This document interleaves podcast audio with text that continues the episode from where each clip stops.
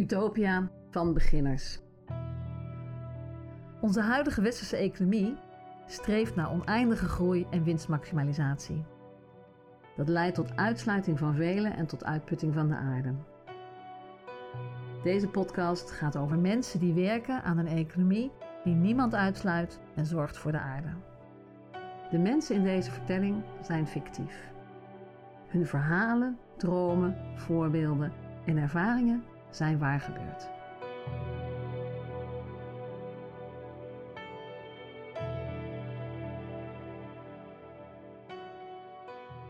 Aisha, commercieel econoom. Geboren 1977.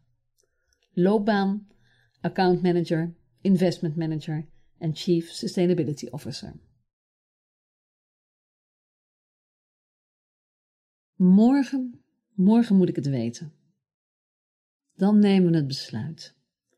Wel of niet investeren in een mega windmolenpark. Op zee. 100 turbines. 200 meter hoog. 20 kilometer uit de kust. Het goedkoopste park ooit. En het levert energie voor 750.000 huishoudens. Kortom, een utopia onder de windmolenparken. Kosten 3 miljard. Ons aandeel 7 procent. 210 miljoen. Ben ik voor of ben ik tegen? Is het goed voor ons bedrijf? Voor de mensen wiens pensioenen van deze investering afhankelijk zijn? Cijfers zien er goed uit. Ik had tien jaar geleden niet kunnen geloven dat windenergie zo rendabel zou worden. Alles wijst erop dat het een veilige investering met een goed en waarschijnlijk zelfs hoog rendement wordt. Bovendien draagt het bij aan onze missie. 30% van al onze investeringen moeten bijdragen aan het realiseren van een duurzame economie. Een economie die de Sustainable Development Goals dichterbij haalt. Geen vuiltje aan de lucht dus. Gewoon voorstemmen morgen. Maar toch knaagt er iets in mij. Ik twijfel of we echt het goede doen. Sinds die middag, nu zo'n tien jaar geleden, ben ik voorzichtiger geworden. Ik wantrouw mijn eigen oordeel, omdat ik weet dat ik zoveel niet overzie, zoveel niet doorheb, niet weet. Heb ik daar nooit over verteld? Hmm. Ik werkte toen nog voor de bank. Het waren moeilijke tijden. We zaten midden in de bankencrisis. De ineenstorting van de huizenmarkt, de rommelhypotheken. Het vertrouwen van mensen in de banken was laag.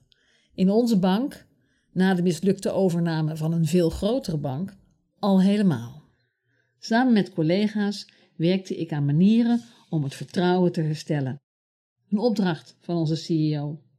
Super. We brachten risico's in kaart. We bedachten marketingcampagnes. We schreven zelfs bijsluiters voor onze producten en diensten, zodat we zeker wisten dat iedereen ze zou kunnen begrijpen. We maakten protocollen voor nieuwe verkoopgesprekken. Kortom, we zorgden dat er niets meer mis kon gaan. Onze klanten zouden op ons kunnen bouwen. Oh, ik was zo vol zelfvertrouwen. Dit zou ons lukken. We gingen indruk maken op onze CEO. Hij zou zien hoe gedreven ik ben en hoeveel hart ik voor de zaak heb. En toen, toen was daar die gastdocent. Ze vroeg hoe wij dachten met reclame en nieuwe producten het vertrouwen van klanten terug te winnen. Rare vraag toch? Ik zei nog: heb je een beter idee dan? We doen het al jaren zo en het werkt prima. Gelukkig vielen mijn collega's me bij. De volgende bijeenkomst, twee weken later. We zitten allemaal in een kring. De docent heeft tien mensen uitgenodigd om met ons mee te denken over wat vertrouwen betekent. Een marinier vertelt over het belang van hiërarchie en bevelstructuren. En de reclasseringsmedewerker over het omgaan met onvoorspelbaarheid en gebrek aan controle. En dan, dan is er die directeur van een kinderdagverblijf. Ze zei: Vertrouwen. Tja, dat is voor mij wat mensen mij geven als ze hun kinderen hier morgens achterlaten. Zeker de eerste keer. Dan komen ouders met een pasgeboren babytje hier aan, de tranen in hun ogen. Voor het eerst een hele dag zonder hun kindje. Ik leid ze rond, stel ze gerust en dan, dan geven ze hun Elisa, Roos of Carmen aan mij. Dan leggen ze het aller, aller kostbaarste van hun leven in mijn armen. En ze laten het bij mij achter.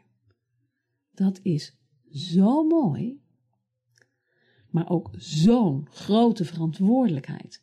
Die voel ik ook echt. Dat zie je terug in alles wat ik doe, in elk besluit, in elke handeling, in alles. Ik begreep wel wat ze zei. Ik heb zelf geen kinderen, maar dit snap ik wel. Ik snapte alleen niet zo goed wat dit verhaal nu met onze opdracht te maken had. Toen vertelde ze over het nieuwe pand dat ze had willen kopen. Het dagverblijf werd te klein en had weinig buitenruimte. Ze had de ideale plek gevonden en ze ging naar de bank en vroeg haar accountmanager om een hypotheek. Ze ging verder met haar verhaal. Ik werkte al jaren met dezelfde accountmanager. We kenden elkaar, we vertrouwden elkaar. Hij wist hoe ik werk, hij kende de manier waarop ik onderneem, hij wist hoe voorzichtig en verantwoordelijk ik ben. Hij had zich volledig inzicht in alle boeken. Hij wist dat het kon. En hij zei: Nee. Nee. Het ging niet om mij, zei hij. Het ging om de regels. Ons bedrijf is stabiel, we groeien niet en dus vormen we een risico. Het ging niet om de kinderen. Het ging om rente versus groei en om een te lange afschrijvingstermijn. Hij zei nog: Ik weet dat je geen groot risico vormt, maar zo is het nu eenmaal. Weet je, vertrouwen moet van twee kanten komen. En als de bank mij niet vertrouwt, dan vertrouw ik hen ook niet. Ik vond haar gekwetstheid in eerste instantie een beetje overdreven. We hebben nou eenmaal regels en die zijn echt wel ergens goed voor. Ik begrijp sowieso al die boosheid op banken niet zo goed. Alsof we allemaal criminelen zijn. Alsof ik allerlei slechte dingen wil aansmeren. Zo ben ik niet en zo is mijn bank ook niet. Misschien heeft iemand wel een keer een rommel in de hypotheek verkocht, maar dat is echt, echt een uitzondering. Mensen zijn zo emotioneel. Ik doe echt het beste voor onze klanten. Echt waar. Al onze producten zijn echt heel goed. De bezoekers waren weg. Hun stoelen stonden verlaten tussen ons in. Ik keek de cirkel rond. Niemand zei iets.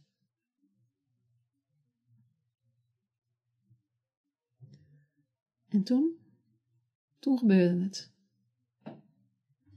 Ik stond op. Ik wist het zo zeker. Ik dacht, ik ken mijn klanten zo goed. Ik heb zoveel grote investeringen voor hen gedaan. Veel geld voor ze verdiend. En nu?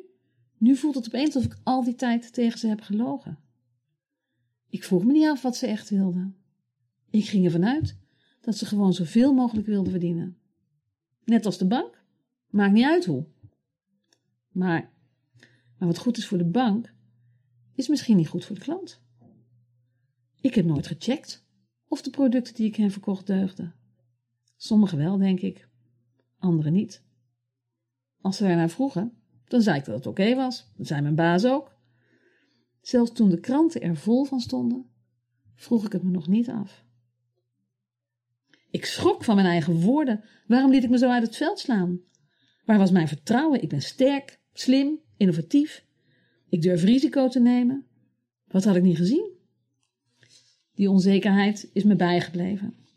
Als je eenmaal weet dat je veel niet ziet, dan kom je daar nooit meer vanaf. Ik ben alert. Ik vraag me steeds af wat ik niet zie, welk ander perspectief ik mis, wat er nog meer is.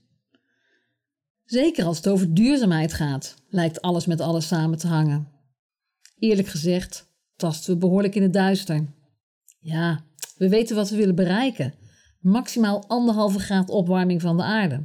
Maar hoe dat moet of wat de beste manier is, geen idee. Als je het weet, is het morgen weer anders. Ontwikkelingen en inzichten gaan zo snel. En wat voor de een goed is, is voor de ander helemaal fout. Neem nu die windmolens. Prima voor de energietransitie. Althans vandaag. Morgen is waterstof misschien wel beter. Heb je minder bouwwerken voor nodig? Kun je beter opslaan? Maar vandaag is de technologie daar nog niet zo ver in, zeggen ze. En dan investeren wij nu in die parken. Op zee. Is dat eigenlijk goed voor de zee? Voor de vissen? Voor de vogels? Ik hoorde dat potvissen doof worden van het lawaai dat de bouw maakt. En dat vogels vermalen worden door de wieken. Ja, ergens anders las ik weer dat juist rondom de parken prachtige natuurgebieden ontstaan, omdat daar niet gevist mag worden. Weet je, ik ben zo trots dat we 30% van al onze investeringen inzetten als hefboom om de klimaatverandering tegen te gaan. En de windmolenpark is daar gewoon een superbelangrijke stap in. En toch twijfel ik. Wat als. Weet je, die keer toen bij de bank. Toen realiseerde ik me dat klanten mensen zijn.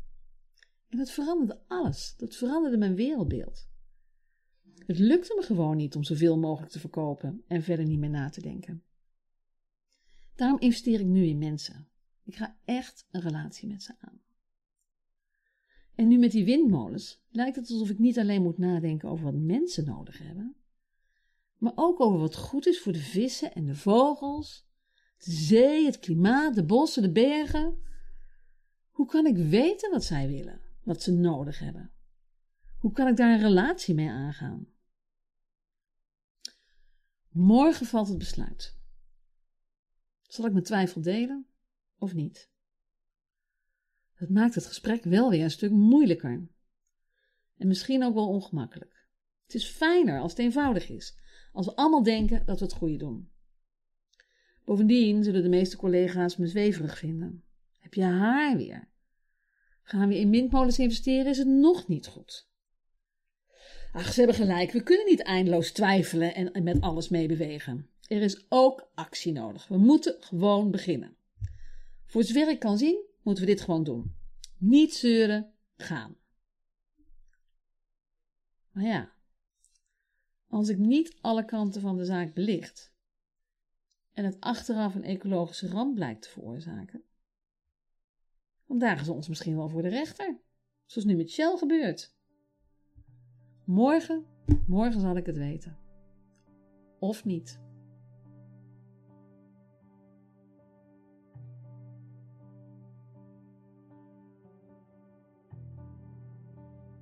Met dank aan Studio Volker de Jong en Galerie Fons Welters in Amsterdam. Rabobank Kunstzaken, eh, Veerli Klaassen. En Arne Hendricks, The Incredible Shrinking Man and Growth. Festival Sur Niger, Herenboeren Nederland, NVU, Company Drinks, Podium Blows en Avans Hogeschool.